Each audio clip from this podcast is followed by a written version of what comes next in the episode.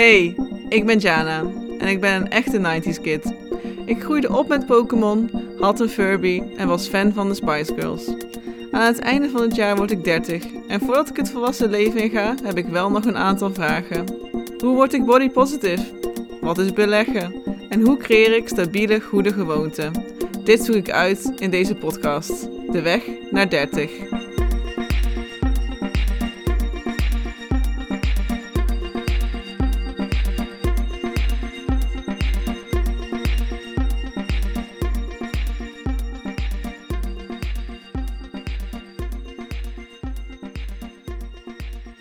Wat leuk dat je luistert naar De Weg naar 30. De plek waar ik op zoek ga naar antwoorden op vragen die ik heb voor mijn 30ste verjaardag. Onder het thema van vandaag kon ik niet onderuit, want ik vraag me al af in de intro die je net hebt gehoord. Wat is beleggen nu eigenlijk? Ik ben daarom ook erg blij dat ik iemand heb gevonden die mij de eerste stappen in dit voor mij nog onbekende terrein wil laten zien. Jessie is de gast en op haar blog Happy Rich Millennial schrijft ze over het opbouwen en creëren van financiële vrijheid. Haar missie spreekt me enorm aan, want door nu al na te denken over dit onderwerp kan je je droomleven in de toekomst gaan creëren. Super belangrijk en passend in de weg naar 30 dus. En inmiddels ben ik me al helemaal aan het inlezen op pensioenbeleggen, EFT's en wat dan ook. En ook al duistert het nog wel een beetje, weet ik in ieder geval wel waar ik moet zoeken.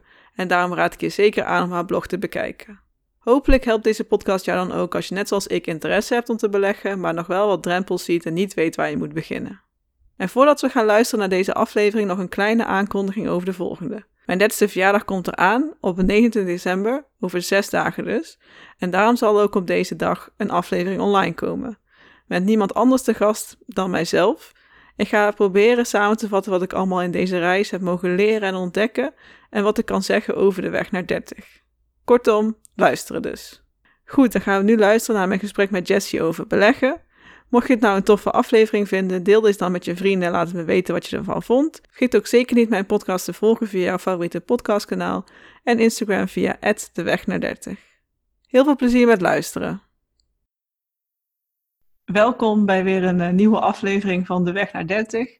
En onder deze aflevering kon ik echt moeilijk onderuit komen. Niet dat ik het niet graag wil weten, maar hij zit immers in mijn intro. Het gaat al ja, deze keer over geld, maar dan niet in de money mindset manier zoals ik met Anna heb besproken eerder. Maar meer in de manier van wat kan je eigenlijk nou met je geld doen voor de toekomst. De grote vraag, wat is beleggen nou eigenlijk? Want ik weet daar zelf ook echt uh, weinig van af. Dus ik ben ook heel erg blij dat ik een leuke gast heb gevonden die mij hier uh, alles over kan vertellen. En een soort van introductie kan geven van hoe kan je hier nou mee beginnen en wat is dan verstandig om te doen. Welkom Jessie bij deze aflevering. Ik vind het superleuk dat je te gast bent. Ja, dankjewel. Dankjewel voor de uitnodiging. Yes. En zou jij kort jezelf willen voorstellen, wie je bent en ja, waarom jij aan de andere kant van mij zit als uh, ja, expert op dit gebied? Ja, absoluut. Ik ben Jessie, ik ben 27. Ik ben twee jaar geleden begonnen met beleggen. Ja, heel kort samengevat ben ik daarmee begonnen omdat ik dacht van ja, hoe kan ik meer met mijn geld doen? Hoe kan ik er op de lange termijn wat meer uithalen dan nu alleen uitgeven? En daar ben ik toen over gaan bloggen over mijn hele ja, mijn reis en steeds meer ervaring die ik opdeed en kennis. En dat doe ik nu zo'n anderhalf jaar onder de naam Happy Rich Millennial. Ja, ik heb je blog ook gezien en een paar dingen dat ik dan dacht van, oh ja, hier moet ik nog, uh, zeker na dit gesprek, nog dieper induiken. Uh, als ik de termen weet en weet uh, met welk filter ik ga kijken. En wat ik ook zo leuk vind, is dat je juist ook iemand op weg naar de 30 bent. En je schreef ook in ons mailcontact al van dat het eigenlijk ja, super van belang is om er ook op tijd mee te beginnen, voor je dertigste zelfs. Zou jij kunnen vertellen waarom dat zo is? Ja, absoluut. Ja, het is met beleggen het geval dat hoe eerder je begint, eigenlijk hoe beter is. En dat is omdat het geld dat je inlegt, dat gaat groeien met de tijd. Dus elke keer dat jij inlegt, dat noemen ze dus het rente op rente effect. Mhm. Dat gaat doorgroeien en dan krijg je een sneeuwbaleffect. Omdat je steeds elk jaar krijgt bijvoorbeeld uh, weer winst op je beleggingen. En dat jaar daarna neem je die winst ook weer mee bij je nieuwe beleggingen. Dus dat blijft dan doorgroeien. En met de jaren gaat dat steeds sneller stijgen. Dus hoe eerder je begint, ook al is het maar met een klein bedrag, helpt gewoon mee daarin. Dus dat is reden 1. En reden 2 is ook dat als je eerder begint, ja, je gewoon nog heel veel jaren hebt om eigenlijk iets te corrigeren. Dus stel je kan niet beginnen, kan je ook wat meer risico nemen. met de verwachting dat het uiteindelijk op de lange termijn wat meer corrigeert. En dat je dan met de jaren een heel mooi vermogen kunt opbouwen. Mhm. Ja, want omdat je in het begin nog niet zo heel uh, minder geld hebt dan bijvoorbeeld tien jaar later, is er dus ook meer speling om risico's te nemen, omdat je dan ook niet zoveel zou verliezen als het ware. Of zie ik het dan? Ja, en het is wel. Ja, dat klopt. Het hangt sowieso, daar zult het zo meteen overigens nog wel over hebben. Ja. Het beleg heel erg af wat je doel is. En als ik het over mijn geval heb, ik kijk, ik beleg voor de lange termijn. Dus ik beleg omdat ik eerder wil stoppen met werken. Nou, stel ik wil op mijn 55 stoppen met werken, dan is dat mijn einddoel. Dus dan kan ik die jaren voordat ik 55 ben, kan ik dan eigenlijk steeds minder risico nemen, omdat ik dan dat geld echt nodig heb. Ja, en nu heb ik het geld voorlopig nog niet nodig, dus nu kan ik wat meer risico nemen, ik kan wat meer dingen uitproberen, omdat ik nog heel veel jaar heb om dat dus, ja, daar voldoende vermogen uit te halen. Ja, ik snap het. Oké, dus eigenlijk ben je dus al goed uh, onderweg als je 27 bent en er al uh, twee jaar mee bezig bent. Ik hoop uh, dat ik nog met mijn bijna 30 zijn niet te laat ben, maar volgens mij niet. En een van de dingen waardoor ik ook geïnteresseerd ben geraakt, is volgens mij omdat beleggen en investeren ja, best wel populair lijkt te zijn op dit moment.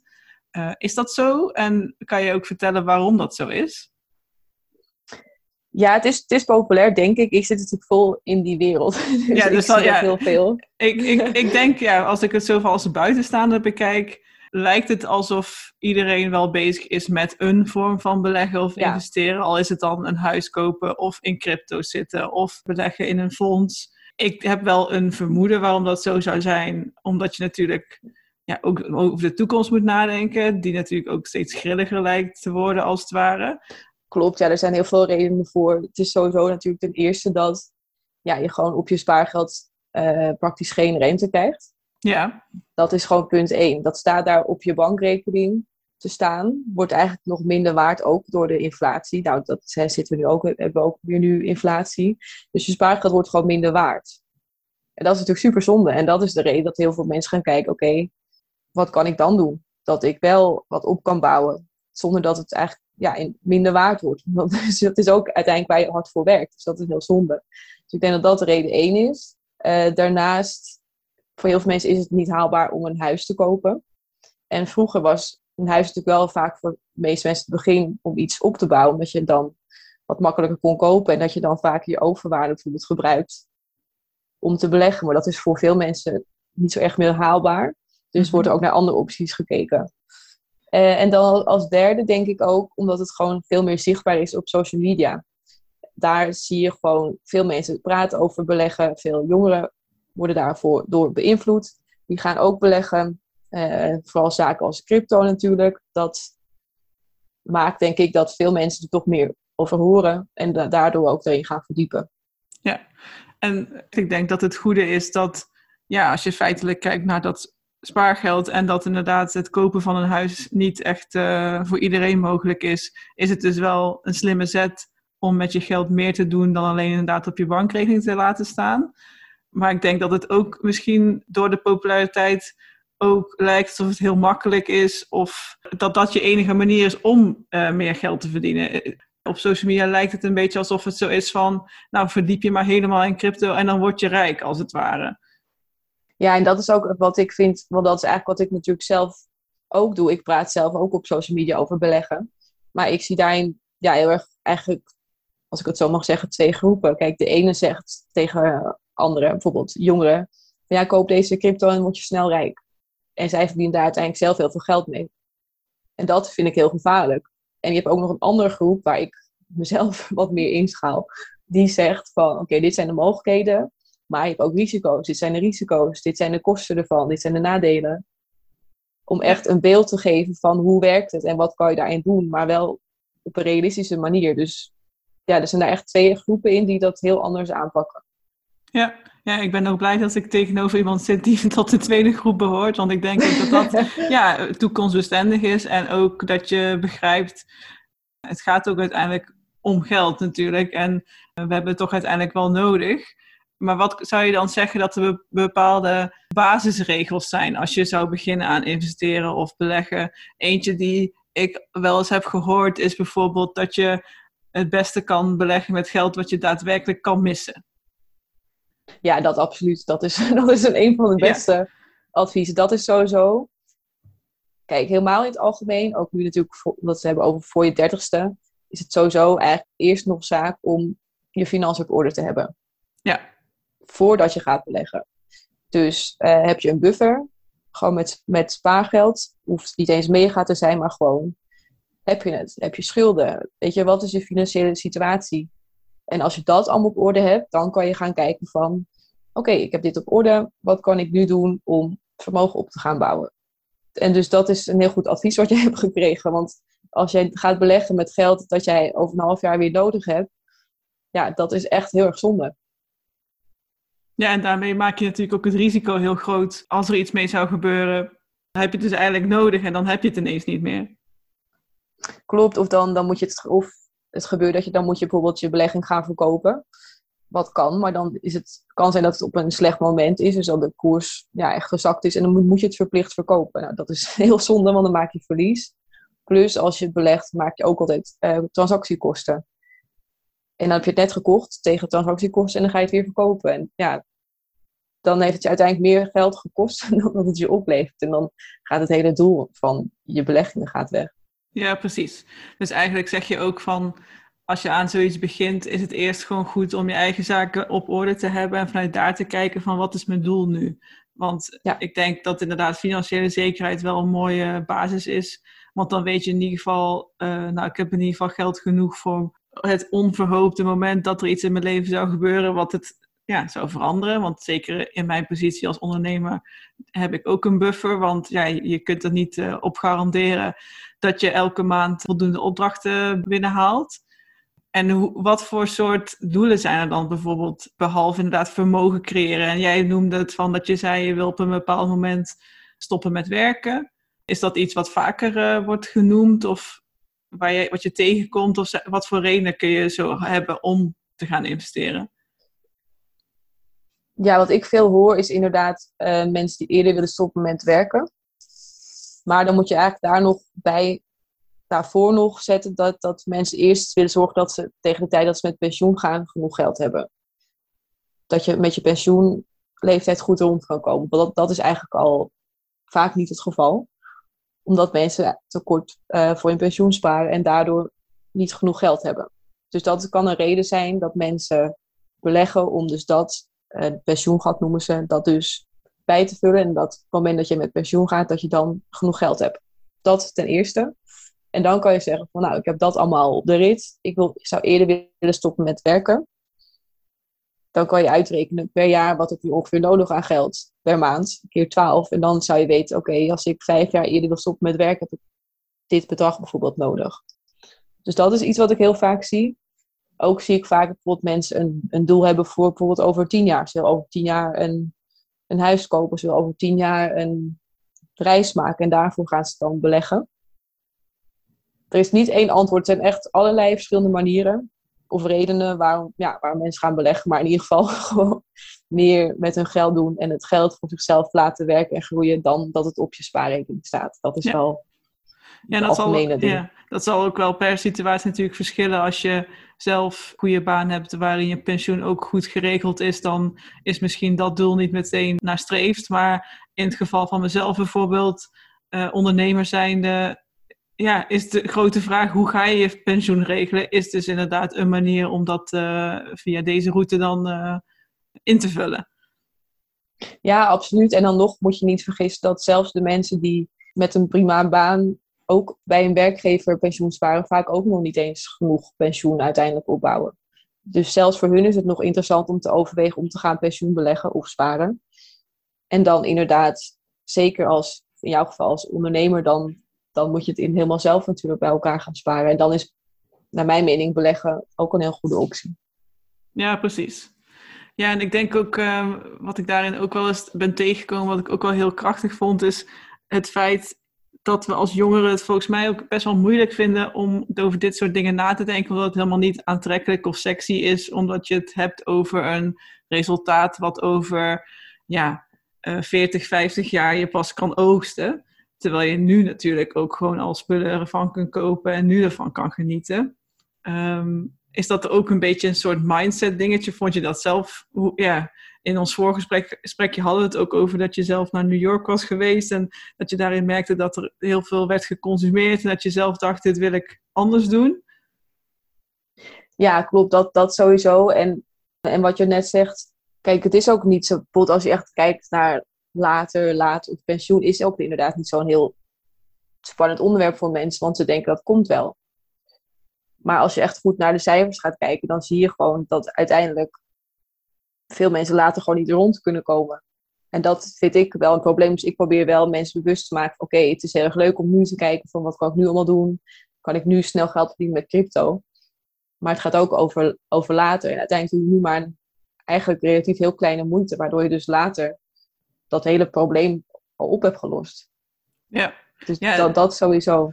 Ja, dat, dat, daar had ik het ook met uh, in de eerdere podcast over geld met Anna ook over. Dat we eigenlijk daarin ook wel misten dat je al eerder in je leven al iets van soort van economische of financiële kennis daarin bouwt. Want het is gewoon super belangrijk om daar wat meer over te weten. Uh, zeker ten aanzien van de ongelijkheden die er zijn in de wereld. Om je daar ja. een beetje op voor te bereiden. Ja, ja absoluut. En, en ik denk wel, kijk, ik ben het mee eens. Het, het wordt heel weinig op school geleerd, bijvoorbeeld hangt natuurlijk ook van je opvoeding af en, en dat soort dingen. Maar uiteindelijk denk ik wel, alle informatie is er wel. Als ja. je het wil, kan je daarin verdiepen. Je kan mensen om hulp vragen. Als je kan zelfs, als je wil, iemand inhuren. Weet je, er zijn wel oplossingen, maar je moet wel zelf inderdaad die ernst van inzien. En ik denk ook wat jij net zegt, dat misschien onze leeftijd ongeveer, ongeveer hetzelfde. Ja, mensen denken echt heel erg uh, ja, na over de korte termijn. Ja, en precies. dat is, dat is zonde. En dat kwam ik ook tegen dat ik in New York was. Weet je, het is alles korte termijn, maar ik wil nu die schoen hebben. Maar ik wil nu dit en dit aandoen. Oké, maar ja, uiteindelijk werk je hartstikke hard voor dat geld. Dus ook zonde eigenlijk als het in één keer allemaal opmaakt. Ja, precies. Nou, wel goed dat wij dan inderdaad uh, samen nu als een soort informatiebaken optreden. Voor als je er meer Ja, over wil weten en uh, de, uh, de eerste stappen erin wil zetten. En als je nu even kijkt naar de verschillende vormen die er zijn om met je geld meer te doen dan te laten staan. Hoe kan je nou voor jezelf bepalen welke vorm daarin de juiste of de beste is? Dan moet je sowieso ten eerste uh, je doel bepalen. Want het gaat daarmee met de vorm ook om, oké, voor hoe lang wil je beleggen? Als je voor de lange termijn wil beleggen, zijn bepaalde manieren geschikter dan weer een ander. En als je bijvoorbeeld daarnaast ook nog kijkt, oké, hoeveel risico vind je dan comfortabel om te nemen? Dat is ook natuurlijk een heel ja, belangrijk iets. Er zit altijd risico aan beleggen, maar het ene is gewoon veel minder risico dan het, dan het andere product. Dus daar kan je zelf dan een keuze in maken van, oké, ik weet, ik wil zoveel risico nemen. Ik wil voor zo lang beleggen. En dan kan je kijken van, wat past daar dan bij? Ja, en stel we nemen bijvoorbeeld mijn situatie en ik uh, wil graag voor mijn pensioen uh, beleggen. Want ik vind het belangrijk dat als ik klaar ben met werken, dat dat er is. Want uh, ja, als ondernemer zijnde moet ik daar ook wel mijn verantwoordelijkheid uh, voor dragen. En ik zou mezelf niet per se omschrijven als iemand die graag daarin heel veel risico neemt. Want dat heb ik ook bijvoorbeeld in mijn eerdere podcast met Anna ja. besproken. Dat ik dat ook heb gemerkt. Dat dat voor mij ja, financieel gezien, ook omdat ik niet altijd, hoe zal ik het zeggen uh, daarin, ja, ook vanuit het gezin, weet je wel, heb je bepaalde opvattingen over geld en hoe je daarmee omgaat. En ik vind altijd heel lastig om geld uit te geven. Dus ik denk dat ik daarin ook niet heel veel risico, risico zou willen nemen in het uh, investeren van mijn geld. Omdat ik dan niet zoiets heb van ik doe het liever goed en langdurig dan dat ik uh, ja, misschien op een kortere manier meer zou kunnen behalen. En als je het zo hoort, wat zou je dan zeggen van, nou, dat is dan voor jou bijvoorbeeld iets om te onderzoeken? Uh, ik denk als het echt, ja, ik, zou, ik denk dan aan twee opties. Mm -hmm. En als je echt kijkt puur naar je pensioen, dan kan je daarvoor kan je pensioen beleggen. En pensioen beleggen is net iets weer iets anders dan ja, gewoon beleggen. Want bij pensioen beleggen, dat is een geblokkeerde rekening. Daar kan je dus niet bij dat je met pensioen gaat. Maar daar heb je dus belastingvoordeel van. En je hebt belastingvoordeel omdat eigenlijk de overheid wil dat iedereen zelf zijn pensioen aanvult. Zodat mensen later gewoon genoeg geld hebben. Dus je krijgt daar wat uh, belastingvoordeel van. Dat is een optie. En je kan ook zeggen van ik wil dat niet, ik wil gewoon zelf gaan beleggen. En dan zou je kunnen denken aan wat ook veel doen, wat ik zelf ook veel doe. belegging ETF's. Dus dat zijn uh, Exchange Traded Funds. Mhm. En dan heb je een soort ja, mandje met verzamelingen, allerlei heel kleine aandeeltjes van bedrijven. En dat zorgt dus dat je heel erg gespreid risico hebt. Want er zit bijvoorbeeld in, in als je één ETF koopt wereldwijd, zitten daar bijvoorbeeld verschillende sectoren in, bedrijven van verschillende sectoren, maar ook bedrijven van verschillende eh, landen of regio's. En daardoor, als dan de ene het niet zo goed doet, doet de ander het waarschijnlijk wel goed. En daardoor heb je dan heel gespreid risico. En dat is dus echt voor de lange termijn, is dat, ja, naar mijn mening, een van de beste opties om met weinig moeite uh, ja, vermogen op te bouwen. Ja, en hoe zit dat dan precies met, um, hoe kom ik dan bijvoorbeeld aan zo'n ETF? Ik, is dat iets wat ik zelf kan kopen? Is dat iets wat ook een tussenpersoon voor mij kan doen? Dat kan beide. Uh, ik doe ook beide. Je kan zeggen van, oké, ik wil een ETF gaan kopen. Dan heb je natuurlijk altijd een, een bedrijf of broker waar je dat dan gaat kopen. Mm -hmm. um, je kan zeggen, oké, ik koop elke maand koop ik er een x aantal. Nou, dat kan je dan zelf daarin geld storten. Dan kan je dat zelf handmatig gewoon aankopen. Koop er vijf en dan staan ze in je account. Dat kan. Dus dan moet je dat elke keer zelf even doen. En als je dat één keer ziet, dat, dan weet je ook hoe dat moet. Dat, dat moet je altijd heel even kijken, hoe werkt dat dan? En dan weet je het. Uh, je kan ook zeggen, ik wil dat het in een fonds gebeurt. En dat is eigenlijk dat is de allermakkelijkste manier. Want dan kan je letterlijk zeggen, oké, dit bedrag wordt elke maand afgeschreven automatisch. Dat gaat in het fonds, zij beleggen het. Dan kan je zelf, heb je daar invloed op wat je de verdeling is, wat voor ETF's, wat voor risicoprofiel. En dat gebeurt allemaal voor je en daar, ja, daar doe je zelf helemaal niks voor. Dus dat is eigenlijk heel makkelijk. En uh, waarom heb je zelf bijvoorbeeld een mix daarin? Dat je dan hebt gekozen voor ik doe een deel zelf en een deel heb ik in een fonds zitten? Uh, wat ik in het fonds heb zitten, dat is een geblokkeerde pensioenrekening. Oh ja. Ja, dus dat heb ik, heb ik dan. En dan wat ik zelf dus elke maand doe, vind, dat is persoonlijk. Ik vind dat zelf prettig, omdat je bent er handmatig mee bezig. Je ziet elke maand wat je doet. Je kijkt elke maand even hoe staat het ervoor. Je zit er wat meer in. Ja, precies. En dan kan je ook uh, op basis daarvan misschien ook weer dingen aanpassen of andere keuzes in maken. Of misschien wat meer geld een keer overmaken.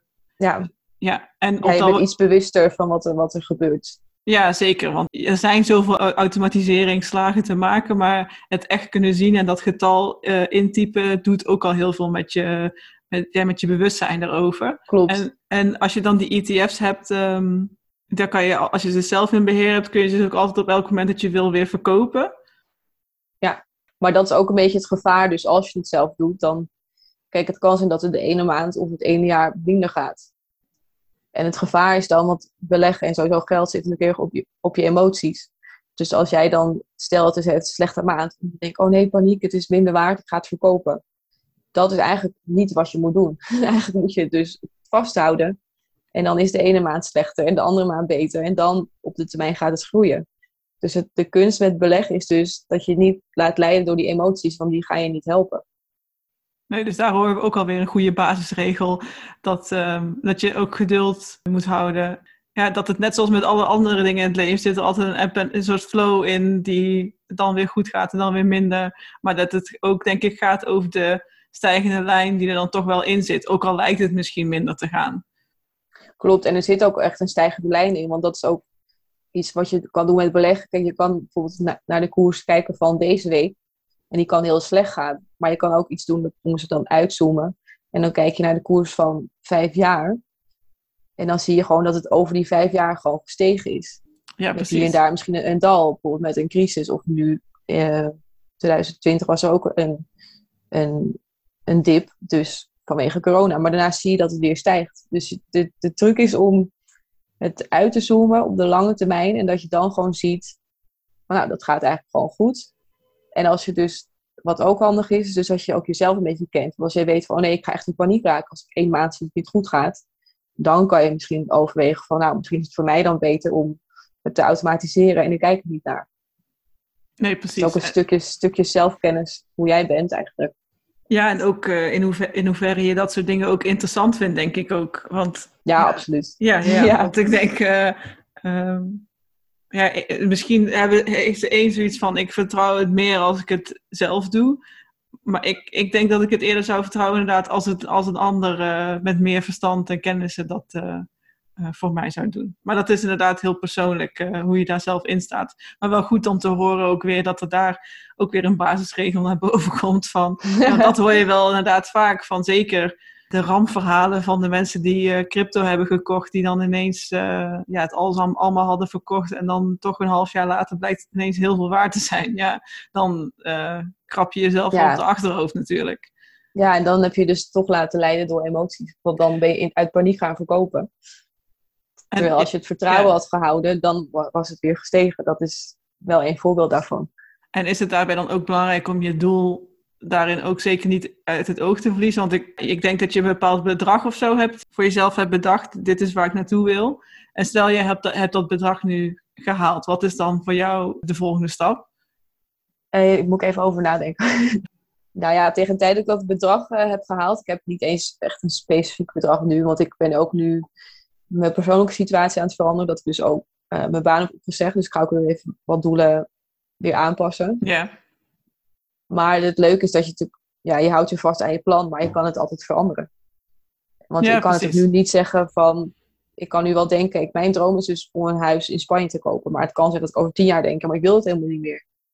Weet je, je hebt ook nog je hele persoonlijke leven wat er nog in meespeelt. Maar mm -hmm. in het algemeen, ja, als ik een doel heb, dan, dan hou ik me daar wel aan vast. Ja, precies. En ik denk dat dat ook wel niet de emoties daarin wil laten meespelen. Ook gewoon goed is om te blijven denken van, oh, we doen het voor iets groters. En ook al lijkt het dan misschien nu dat het dan weer uh, 1000 euro is, uh, dat ik weer verlies heb. Maar misschien komt dat over een maand wel weer goed. En dan zit je weer op, de, op het goede traject naar je doel toe. Ja, ja dus echt dat, dat uitzoomen inderdaad. Echt gewoon gefocust houden op de lange termijn. En in het begin, dat zou je ook merken als je dan begint, dan lijkt het ook allemaal heel lang te duren voordat het een beetje groeit. Omdat je er gewoon niet zoveel geld in zit. En dus in het begin is het ook zaak dat je een beetje geduld hebt. Want juist als je dus blijft bijstorten, dan ga je dat sneeuwbaleffect krijgen. En dan gaat het ineens heel hard. Maar dan moet je wel eerst hebben doorgezet. De eerste, ja, ik weet niet hoe lang, hangt vanaf wat je, wat je inlegt. Maar in het begin is het een geduldskwestie. Ik heb altijd een beetje het idee gehad van dat het alleen zin heeft als je echt heel veel geld vrij hebt. Dus dat het ook iets is wat dus alleen voor mensen weggelegd is die al vermogen hebben, bij wijze van. Op dat moment kan je natuurlijk je geld laten groeien. Maar stel, uh, nu hoor ik natuurlijk ook steeds meer van dat soort coaches die mensen helpen met beleggen en investeren, dat ze zeggen, ja, zelfs met 50 euro in de maand zou je het al kunnen doen. Hoe denk jij daarover? Ja, ik ben het daar helemaal mee eens. Sowieso is het de manier om uiteindelijk dus ook tot dat grote vermogen te komen.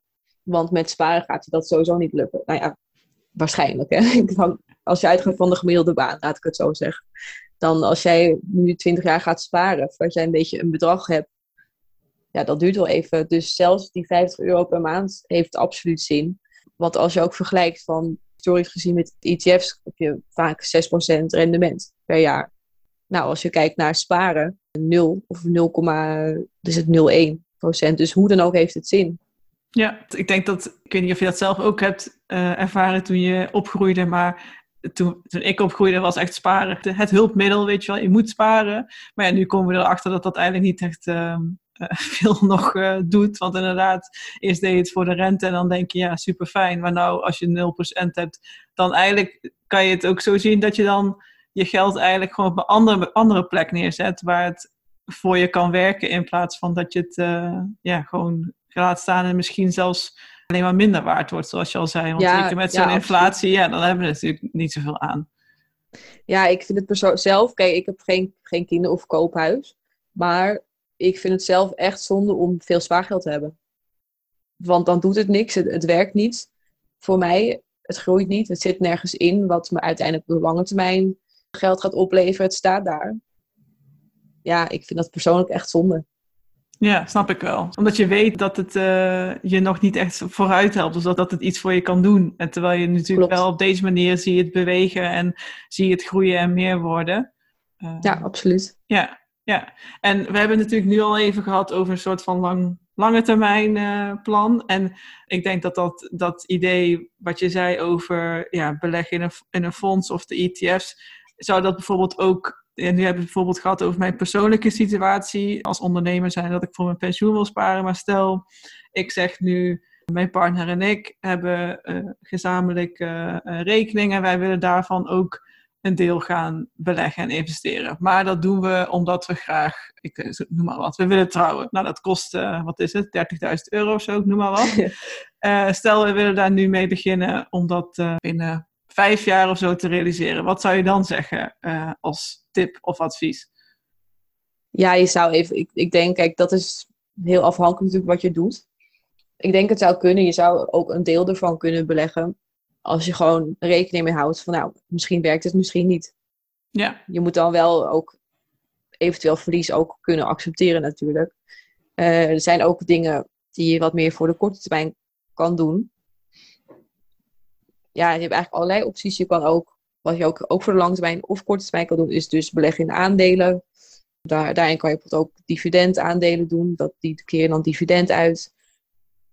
En anders wordt het dan, ja, kijk, ik vind het lastig, want met, zoals met crypto, dan kan ook al voor de kortere termijn, maar dat is nog wel heel erg onzeker hoe die koers verloopt de komende vijf jaar. Kijk, over 30 jaar geloof ik absoluut dat dat heel hoog gaat staan. Maar ja, vijf jaar kan er nog allerlei dingen gebeuren. Dus je kan het doen, je kan een deel doen hoor ik dan ook dat je zegt van kijk ook een beetje naar wat er al bewezen ehm, is. En dat dat ook natuurlijk het ding is van crypto, dat dat ook nog vrij misschien jong is in vergelijking tot andere vormen van beleggen.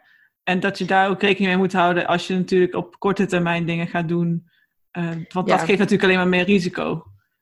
Klopt, en dat, is, dat is, hangt er dus vanaf. Kijk, stel jij gaat gewoon beleggen in crypto en je hebt niet dat geld over vijf jaar nodig, is het anders dan dat je weet, oké, maar ik heb over vijf jaar echt dit bedrag nodig. Ja. Want dat is geen garantie. Kijk, ik heb zelf heel veel vertrouwen in crypto, maar het is nog niet, en het wordt wel, naar mijn mening, wel steeds meer iets meer, de koers iets meer vaster, maar er kan nog van alles gebeuren, omdat het in die zin nog wel jong is.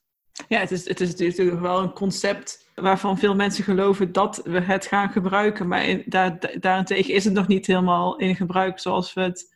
Uh... Nou ja, het wordt wel steeds meer hoor. Het wordt ook steeds meer opgepikt. Dus je ziet daar wel, uh, dat noemen ze dan adoptie, het wordt steeds meer geadopteerd. Maar ja, ik kan als om antwoord op jouw vraag te geven, is dat een idee voor over vijf jaar een x bedrag voor mijn bruiloft? Ja, dat, dat vind ik heel lastig om te zeggen. Ja, precies. Nou, dat, is dus, dat is dus eigenlijk misschien ook een, een goed antwoord van... hé, hey, dat is misschien ook niet de juiste manier... of het juiste doel. Al een paar dingen zo hebben benoemd. Je zei ook van, ja, het hele ding van geld dat groeit... is juist dat het tijd nodig heeft. Dus eigenlijk is dan uh, korte termijn... geeft alleen maar uh, minder tijd. Dus daarmee moet je dan ook meer risico's durven nemen. Dus ja, we kunnen dan ook daarin concluderen van het is dan altijd verstandiger om een doel te hebben wat juist wat meer verder in de toekomst staat, omdat je dan juist ook jezelf daarmee ook de tijd wint die het nodig heeft om te groeien.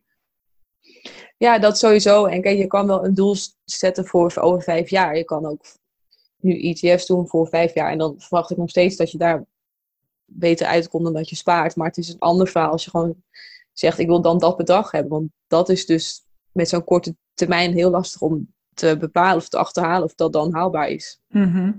ja, ja, precies. En dan is het verstandig om misschien te denken: hey, alles wat ik daaruit haal is mooi meegenomen. Maar dat je zorgt dat je financiële basis, dat je sowieso ervoor gaat zorgen dat het lukt. Maar stel dat je dan kan zeggen: hey, over vijf jaar heb ik in ieder geval dankzij mijn beleggingen bijvoorbeeld al de helft uh, binnengehaald. Dat geeft je natuurlijk ook al een, een fijn gevoel, lijkt me. Ja, ja zeker. En, en daarnaast zou ik echt ook gewoon voor zo'n doel echt gaan sparen ook. Ja, ja precies. Ja, dat, het, is gewoon. Ik, ik dacht, uh, ik, geef, ik geef even een voorbeeld. Want ik denk dat dat ook een vraag is die vaak mensen stellen van... hé, hey, uh, dat heb ik nu nodig. Maar zoals ik het hoor, is dat ook niet altijd even haalbaar of slim of realistisch. Want inderdaad, wat je zegt, het is ook allemaal zo onzeker. Dus het lijkt me ook niet fijn ja, als iemand die daar advies op geeft, kun je daar natuurlijk ook geen garantie op geven. Nee, en er is ook gewoon in, geen, geen garantie op te geven. Nee. Omdat er nog van alles kan gebeuren. Je ziet nu ook al, bijvoorbeeld in deze tijden, wat dan bijvoorbeeld corona doet, dat alles heeft invloed. Weet je, dat soort dingen met beleggen, het heeft dus helemaal het grote deel te maken met de wereldeconomie. Want daar zijn de koersen op gebaseerd. Dus dat, ja, dat is niet te voorspellen. Nee, maar op de lange termijn wel, omdat je op de lange termijn gewoon weet van nou, kom, misschien dan komt er waarschijnlijk weer een crisis, dan gaat het weer beter. dat is natuurlijk op de lange termijn, dan kan je dat wel wat meer inzien. Ja, precies. Ja, want dat, dat maakt het natuurlijk ook zo, uh, zo grillig. En juist als je daar met emotie op handelt, dan kan het ook goed misgaan. Dus inderdaad, het geduld en de tijd ervoor nemen en geven is daarin heel belangrijk. Ja, en je emotie niet laten leiden. ja, zeker. En goed, als we nu zouden zeggen van, nou, ik wil daarmee beginnen, behalve jouw blog te lezen en een goed financieel plaatje te hebben van, nou, dit is wat ik dus heb staan en dit is wat ik zou kunnen missen en wil ik ook missen voor, om te kijken wat ik daarmee kan doen. Wat voor eerste stappen kan ik dan gaan nemen? Zijn er bepaalde bronnen die je zou kunnen aanraden of hoe heb jij dat onderzocht? Uh, naast die, die dingen die je nu zegt, inderdaad, van wat is je plan en hoeveel geld, dat soort dingen, als je dat bepaalt, dan is het ook goed om te kijken waar we het net over hadden. Van oké, wil je het dus zelf handmatig aankopen of wil je het dus in een fonds? Ja. Dat ga je dan, dan kijken. En dan, als dat allemaal besloten is, dan kan je gaan kijken, oké, met welke partij ga ik dat dan doen? En daar heb je er heel veel van. waar je kan beleggen. Je kan beleggen bij banken. Je hebt allerlei brokers. Je hebt natuurlijk superveel bedrijven hierin. Want het is uiteindelijk gewoon een commercieel iets natuurlijk. Ja, en dan moet je gaan vergelijken. En dat is best wel lastig. En daar moet je ook even de tijd voor nemen, want er zijn verschillende dingen om te vergelijken. Bijvoorbeeld wat voor kosten hanteren ze. Ja, uh, wat, wat kan je allemaal kopen? Uh, wat, hoe kan je het weer opnemen? Dat, dat is echt even een kwestie van een vergelijking maken. En kan ik het ook zien dat al die partijen bijvoorbeeld ook, als je zegt een ETF is natuurlijk een soort je eieren op meerdere, je eggs in not in one basket, zoals ze in het Engels zouden mhm, zeggen. Dus heb je daarin bijvoorbeeld dan ook brokers die zeggen wij, wij hebben alleen ETF's in uh, deze sector of deze, uh, dat die bedrijven bepaalde gemeenschappelijke visies of missies hebben? Of hoe moet ik dat dan bijvoorbeeld zien? Ja, nou, je hebt sowieso heel veel verschillende soorten ETF's, dus daarin kan je zelf al een keuze maken. Je hebt ook, die ik net besprak, is dan eentje wereldwijd ETF, maar je hebt ook een ETF die kijkt bijvoorbeeld echt naar opkomende markten of alleen in real estate ETF's. Daar heb je al heel veel keuze in. En dan kan je kijken of die partij dus de, de ETF's heeft die je wilt. Of ze er überhaupt zijn. En je kan bijvoorbeeld bij de fondsen kan je ook kijken, daar kan je ook zelf dan bepalen, oké, in welke fondsen zet ik, word ik, ja, investeer ik dan? Of dan kan je daar een bepaalde verdeling in maken. Dus het gaat er dan om of, ja, of jouw wensen, of ze dat eigenlijk hebben. Ja, precies. Want dus het is ook, ook wat degene aanbiedt. Weet je wel, welke um, ehm, ETF's bieden ze aan? Het is, het is echt een, ja, een commercieel iets met vraag en aanbod is het eigenlijk. Ja, ook een, ook een, dus een persoonlijke voorkeur waar jij in, zelf in gelooft of waar je denkt dat er toekomst in uh, zit. Ja, klopt. Je hebt ook mensen of fondsen die het doen bijvoorbeeld meer uh, richting duurzaam. Weet je, is dat voor jou belangrijk dat jij in een duurzaam bedrijf belegt of niet? Ja, en is het daarbij raadzaam om als je zegt ik wil het graag in een fonds doen, om er dan meerdere aan te schrijven, ook om daarmee uh, je geld te spreiden? Of zou je zeggen nee, doe het juist op één plek waar je, ja, waar je het meeste vertrouwen in hebt? Ik spreid zelf wel een beetje. Ik heb zelf dus meerdere, maar dat is ook omdat ik veel vergelijk. Ook omdat ik daar natuurlijk over schrijf. Dat ik ook op iedereen reviews kan geven, dat soort dingen. Maar dat, het is dus wel mogelijk om daar binnen ook te wisselen? Of hoe, hoe werkt dat dan precies? Ja, ja, je kan, je kan wisselen, je kan overstappen, zeg maar. Of je, je kan het bij de ene alles verkopen en dan, dan dat je het toch bij een ander zet. Ja, precies. Dus het is niet dat je, als je ergens iets hebt, dat je daar dan ook heel je leven aan vastzit. Nee, precies. Dus, dus het is mogelijk om daarin ook een beetje nog te verkennen van... oké, hier dit, dit voelt goed of nee, toch bij deze vind ik de kosten toch wat meer oplopen... dan dat ik had gehoopt of uh, gedacht. Ja, ja oké. Nou, dat is ook goed om te weten. Dat, uh, zoiets zou ik dan al bij zo'n keuze al vrij moeilijk vinden. Dat ik dan denk, oh, dat je dan meteen de juiste keuze moet, uh, moet hebben. Ja, en dat is ook lastig. Ook, er is ook gewoon een, ja, een heel aanbod. Dat, dat maakt het ook lastig. Dus dat hoort voor mij ook een beetje bij het plan dat je dan maakt. Dat je ook gewoon goed na gaat denken, oké, waar wil ik dan? Ja, en dus dat je ook, zegt, regelmatig evaluatiemomenten plant om te kijken van hoe gaat het nou eigenlijk? En ben ik daar nog wel uh, tevreden mee? Ja, klopt. Het kan ook zijn dat ze dan de kosten te uh, verhogen of iets anders aan te bieden of te veranderen. Want het is natuurlijk ook uiteindelijk gewoon een, een bedrijf. En het kan zijn dat dat bij jou niet meer aansluit. Ja. Dat kan natuurlijk gebeuren. Ja, precies. Dus, dus zeker, dat is ook dus eigenlijk een misvatting dat je gewoon je geld ergens over kan maken en daarbij achterover kan zitten en uh, wachten tot je 65 bent en dan kijken wat het, uh, wat het is geworden, bij wijze van. Dat je wel een beetje ja. ja. vinger aan de pols moet houden. Ja, je kan het, je kan het doen. Ik denk niet dat het per se fout is, maar het is denk ik belangrijk om af en toe wel gewoon te blijven kijken van af en toe een keertje de kosten blijven te vergelijken. Omdat dat uiteindelijk ook juist omdat het voor de lange termijn is veel, veel impact heeft. Ja, zeker. Dus ik zou dat zelf wel blijven bekijken. Ik kan ook bijvoorbeeld besluiten om met de jaren het risico wat af te bouwen. Dat soort dingen is wel wat ik in ieder geval vind belangrijk. Dat je dat continu gewoon blijft bekijken hoe je ervoor staat en of je daar nog tevreden mee bent. Dat je iets wil aanpassen. Ja, zeker omdat je ook zegt van nu heb ik nog geen kinderen of bepaalde vastigheid, waardoor ik ook voel van hé, hey, dat sparen vind ik ook zonde. Dus als op het moment dat je dat misschien wel zou hebben, dat je dan daar ook, ook weer op kan acteren als het ware. Ja, dan kan je bijvoorbeeld zeggen, nou dan ga ik per maand gewoon minder inleggen of een tijdje niet. Dat kan je ook zelf, natuurlijk heb je altijd in de hand hoeveel jij wil inleggen. Dus dat kan je ook besluiten van nou, dit is nu geen handige periode. Ik doe het nu even niet. Denk je... Het is niet verplicht om nee, iets nee. in te leggen. En denk je ook dat als je ermee bezig gaat, dat het ook zoiets moeilijks is, omdat het ook gewoon iets is waar je aan zou moeten beginnen en dan vanuit daar uit ervaring gaat leren van hé, hey, dit werkt goed of nu snap ik hoe het werkt. Want dat is ook voor mij een grote drempel dat ik dat niet eerder heb gedaan. Dat ik denk van, oh, eh, kan ik dit wel of snap ik dit wel? Ja, dat, ik snap, begrijp dat dat inderdaad de drempel hoger maakte. Ik ben ook gewoon zo begonnen van, nou, ik ga het gewoon een beetje allemaal uittesten. En ja, je leert daar ook van. Sommige dingen heb ik ook wel eens een paar dingen fout gedaan. Maar ja, dat vind ik zelf bij het, het leerproces horen. En misschien maak je tien keer een goede keuze en die ene keer geen goede keuze. Ja, dat is ook beleggen. Kijk, het is wel geld en je moet het wel daar vertrouwen in hebben dat het kan. Kijk, als je altijd heel veel stress ervaart en denkt, ik kan het echt niet, straks dan wordt het minder en dan doe ik het niet goed. Ja, dan moet je sowieso overwegen of het wel voor jou is. Dus je moet het wel durven. En het, ja, het is je geld. Het is geen garantie dat je er super rijk van wordt. In heel veel gevallen denk ik dat je er sowieso beter uitkomt. Maar het is natuurlijk wel, er zit gewoon heel veel angst achter. En dat is wel aan jezelf of je dan aandurft of niet. Ja, precies. Je moet er zeker niet te licht over denken, eh, zeg je dus. Nee, je moet er niet te licht over denken. Maar aan de andere kant, kijk, het is echt niet zo ingewikkeld. Als dat mensen denken, kijk, je hoeft niet, als je dat niet wil, je hoeft niet hele aandelen of bedrijven te gaan analyseren. Je hoeft niet te traden. Er zijn heel veel manieren, zoals die we net hebben besproken, op de ETF's. Wat eigenlijk, als je het over nadenkt, hartstikke makkelijk is. Want je hoeft niet zelf iets uh, uit te zoeken. De spreiding is er al. Elke maand stort je wat bij. Dat in theorie of naar verwachting groeit het. En eigenlijk is dat het.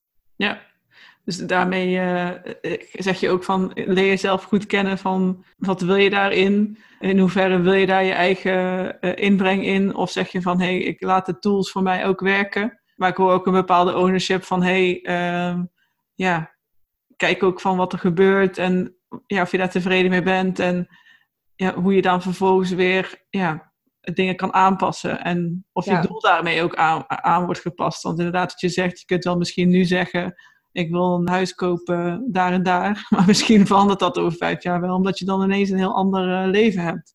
Klopt, en dat is ook het mooie. Je kan het gewoon aanpassen. Je kan het zo moeilijk maken als dat je zelf wilt. Ja, het, ik vind het zelf dat het heel erg meevalt. Ja, nou ja, weet je, ik, ik, als ik het zo hoor, denk ik ook van... Hey, je hoort dat heel veel mensen het doen, dus dan zal, het, dan zal het ook niet heel erg ingewikkeld zijn. Maar het is inderdaad misschien ook je persoonlijke drempel van... Hey, ben je er klaar voor en uh, durf je het ook aan? Want het gaat, dat is misschien ook misschien waardoor ik het heb gedacht van... hé, hey, uh, is dat wel slim of uh, mijn eigen angst om geld te verliezen? Maar nu zit ik ook zelf wat meer in een positie dat ik denk... oh ja, nu kan ik het ook wel... Um, ja, nu heb ik ook een, een deel wat ik zou kunnen en willen missen daarvoor. Daarom, en, en dan ben je op het punt dat je er denk ik klaar voor bent. Kijk, misschien was je een paar jaar geleden wel helemaal niet klaar ervoor. Nee, precies. En dan is het nu gewoon een beter moment. En dat is ook prima. Ja. Want dan sta je er wel achter en dan durf je het ook los te laten. En wat dat betreft is dan ook nooit te laat om te beginnen? Nee, nee, het is sowieso nooit, nooit te laat om te beginnen. Hoe eerder, hoe beter. dat wel. Maar ja, als je op je dertigste begint, dan heb je nog heel wat jaar te gaan. Ja, zeker. En, en ik zou ook zeker aanraden om ook dus echt wel voor je pensioen um, iets te gaan, te gaan beginnen. Ja, Want dat is wel dat is wel een zaak dat je daar wel echt mee begint. Omdat je daar ook wel echt veel jaar voor nodig hebt om tot een bedrag te komen. Dat je tegen die tijd gewoon goed rond kan komen. Ja. En even praktisch gezien, wat zijn jouw tot nu toe, wat voor onderzoek je allemaal hebt gedaan en waar je nu terecht bent gekomen? Wat zou je dan zeggen dat dit zijn goede bronnen om te raadplegen of een goede app die, die je daarbij gebruikt? Want ik, daar zullen natuurlijk ook een heel scala aan, aan, uh, aan dingen zijn die je daarbij kan gebruiken. Uh, ja, ja ik, zit, ik doe natuurlijk zelf heel veel onderzoek, omdat ik er ook over schrijf. Dus ik, ik ga echt partijen vergelijken. Ik zit daar echt helemaal in. En daar, daar blog je ook over? Daar blog ik ook over. Ik, zeg, ik schrijf bijvoorbeeld ook over een bepaalde de broker. Ook van, oké, wat zijn dan hun kosten? Of oké, deze vorm van beleggen, bijvoorbeeld ETF's. Oké, wat zijn dan de voordelen? Wat zijn de nadelen? Wat zijn de, risico's? Precies, dus laten we daarmee beginnen dat jouw site happyrichmillennial.com hè? Ja. Ja, dat, daar kunnen we gebruik maken van jouw uh, onderzoek. Dus het voor ons eigenlijk alvast uh, allemaal gaat bekijken en uh, vergelijken, zodat we daar een goede keuze uit kunnen maken. Ja, en zo zijn er dus meer dat doen, die ook bijvoorbeeld al jaren beleggen of die zelf. Kijk, ik kijk zelf altijd ook wel wat is iemands achtergrond, wat weet hij er nou echt van? Ja. Hoe lang belegt hij ook? Ik neem niet, ik ben best wel kritisch in het algemeen en dus ook zeker op dit gebied ook, omdat in mijn geval mensen volgen ook eigenlijk wat ik zeg. Dat is heel leuk, maar dat brengt, geeft mij ook heel veel verantwoordelijkheidsgevoel. Dus daarom ben ik zelf ook heel kritisch naar welke bronnen ik gebruik. En ik studeer dus ook als financieel adviseur, dus daar gebruik ik ook heel veel bronnen uit. Mm Ja, dus dat is ook een tip van kijk waar iemand vandaan komt. Als je natuurlijk iets wil raadplegen van hey, heeft, heeft deze persoon enige achtergrond of ervaring ermee en is die niet bij wijze van een half jaar geleden begonnen met crypto en is dit nu een self-pronounced uh, coach daarin geworden? Ja, precies. Ja. En ook schrijft hij ook realistisch. Kijk, als iemand zegt dit moet je echt kopen, hier is mijn link, uh, dan krijg je een commissie dat zie je ook heel veel. Ja, dan kan je sowieso al vanuit gaan, ja, oké, dat is pure verkoop. Maar ik wil ook lezen van, oké, uh, wat zijn dan de risico's of wat zijn de nadelen? Ja, dat is ook wat je eerder zei. Wees je van bewust dat, dat het allemaal eigenlijk ook weer een, een business is op zichzelf, waar jouw geld uh, ja. welkom is. Ja, klopt. En dan heb je ook nog wat meer officiële bronnen. Dan bijvoorbeeld meer over de, waar je die ook raad van pleegt, bijvoorbeeld de AFM, dat is dan de Autoriteit Financiële Markt. Mm-hmm. Dat zijn meer een beetje richting overheid. Maar, moet ik wel bij zeggen, ik vind dat vaak heel ouderwets, want zij zijn bijvoorbeeld ook heel erg anti-crypto. En ik ben dat absoluut niet. Dus ja, uiteindelijk moet je daar ook je eigen mening of informatie uithalen.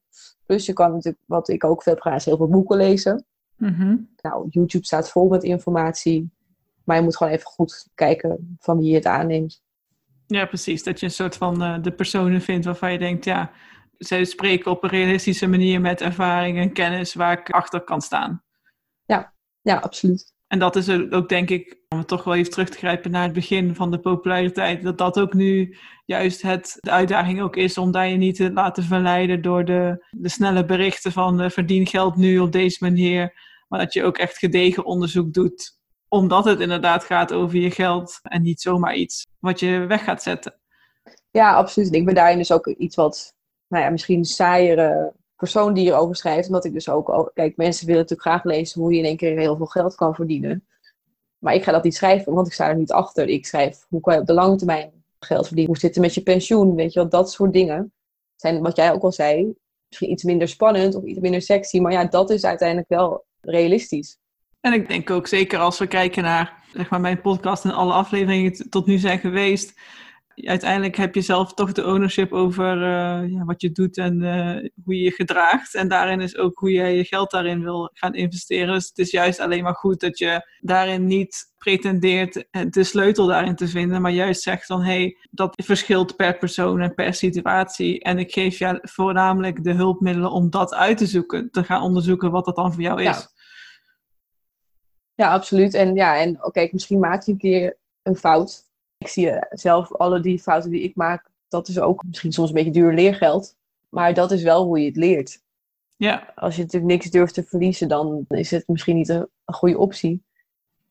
Je leert steeds meer en je wordt steeds beter en je gaat, ziet ook steeds meer ja, waardoor je uiteindelijk beter wordt als belegger. Ja, en wat is bij jou zelf te raden gaat van, hey, dit waren bijvoorbeeld fouten die ik heb gemaakt, ging dat dan ook over, inderdaad, waar we het al eerder over hebben gehad, toch met emotie gereageerd of dat je geen geduld had en dat het dan toch ja, te snel weer dingen hebt verkocht bijvoorbeeld? Of wat voor iets ja, vanuit jouw lessen, wat kan je dan meegeven? Uh, ja, bijvoorbeeld helemaal in het begin dat ik ben best wel zelf van oké, ja, ik ga het gewoon doen en dan zie ik wel. En dat is vaak, vind ik goed, want veel mensen blijven natuurlijk vaak met een idee in hun hoofd zitten en dan, dan gebeurt er ook niks. En ik ben vaak, ga ik het uiteindelijk gewoon doen en dan, dan stel ik weer bij. En dat ik in het begin ook ietsje veel gedaan. Bijvoorbeeld ook dingen niet goed uitgezocht en bijvoorbeeld de verkeerde ETF gekocht.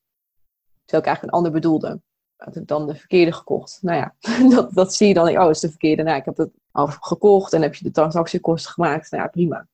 Dus dat soort kleine dingen. Ook wel eens niet goed genoeg de broker uitgezocht. Met crypto dan. Dat ik achteraf dacht van ja, maar ik ben helemaal niet tevreden hierover. Dat ik later dacht dat ik eigenlijk ook wel van tevoren kunnen weten. Want toen bijvoorbeeld bepaalde gegevens waren dan niet beschikbaar in het dashboard, dat soort dingen. En ik dacht, ja, maar dit, hier ben ik niet tevreden over. En dan moet je het weer, weer naar een andere broker krijgen. Dus dat is toch wel iets die voorbereiding geweest. Maar dat is ook wat ik niet zelf... Ik ben niet bang om geld kwijt te raken. Ik heb daar echt...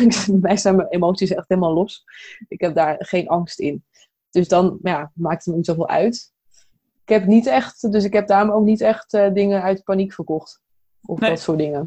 Maar als ik het zo hoor, zijn er wel daarin, zeker in het begin zei je dus, nou toen wilde ik zo graag in die actiemodus komen dat ik mezelf dus niet goed genoeg heb ingelezen van wat koop ik nou eigenlijk. En dat je daarin ook zegt van, hé, hey, je komt er ook door te gaan doen achter wat je wel niet wil. Want ja, misschien heb je wel gelijk en had je dat van die broker wel kunnen weten. Maar pas, denk ik, toen je ermee aan de slag ging, dacht je van, oh, ik mis iets. Maar misschien wist je niet eens dat je dat eerst zou missen. Dus dat heeft ook weer met zelfkennis te maken van wat verwacht ik en wat zijn mijn behoeften daarin. Ja, ja en daar ga je gewoon heel erg in groeien. Dus dan, daarom is het ook dat ik op een gegeven moment toen gewoon dacht van, ik weet nog niet zo heel veel, maar ik ga wel gewoon beginnen. Ja. Kijk, je hoeft niet, niet met 10.000 euro te beginnen. Je kan al vanaf 50 euro beginnen. Ja, en ik denk dat en dat, dat, dat is ook gewoon leergeld om uiteindelijk te komen waar je wilt komen. Ja, precies. Dus, dus wat je ook zegt, uh, wat we in het begin ook concludeerden van hey, in het begin heb je ook nog de ruimte om risico's te nemen en dat soort uh, fouten te maken.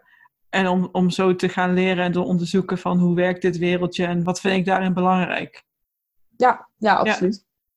Nou, mooi. Ik denk dat ik ja, vanuit jouw verhaal in ieder geval wel wat meer te weten ben gekomen over nou, welke termen zijn daarin belangrijk? Van hey, als ik nu onderzoek zou gaan doen, weet ik tenminste waar ik op moet gaan zoeken.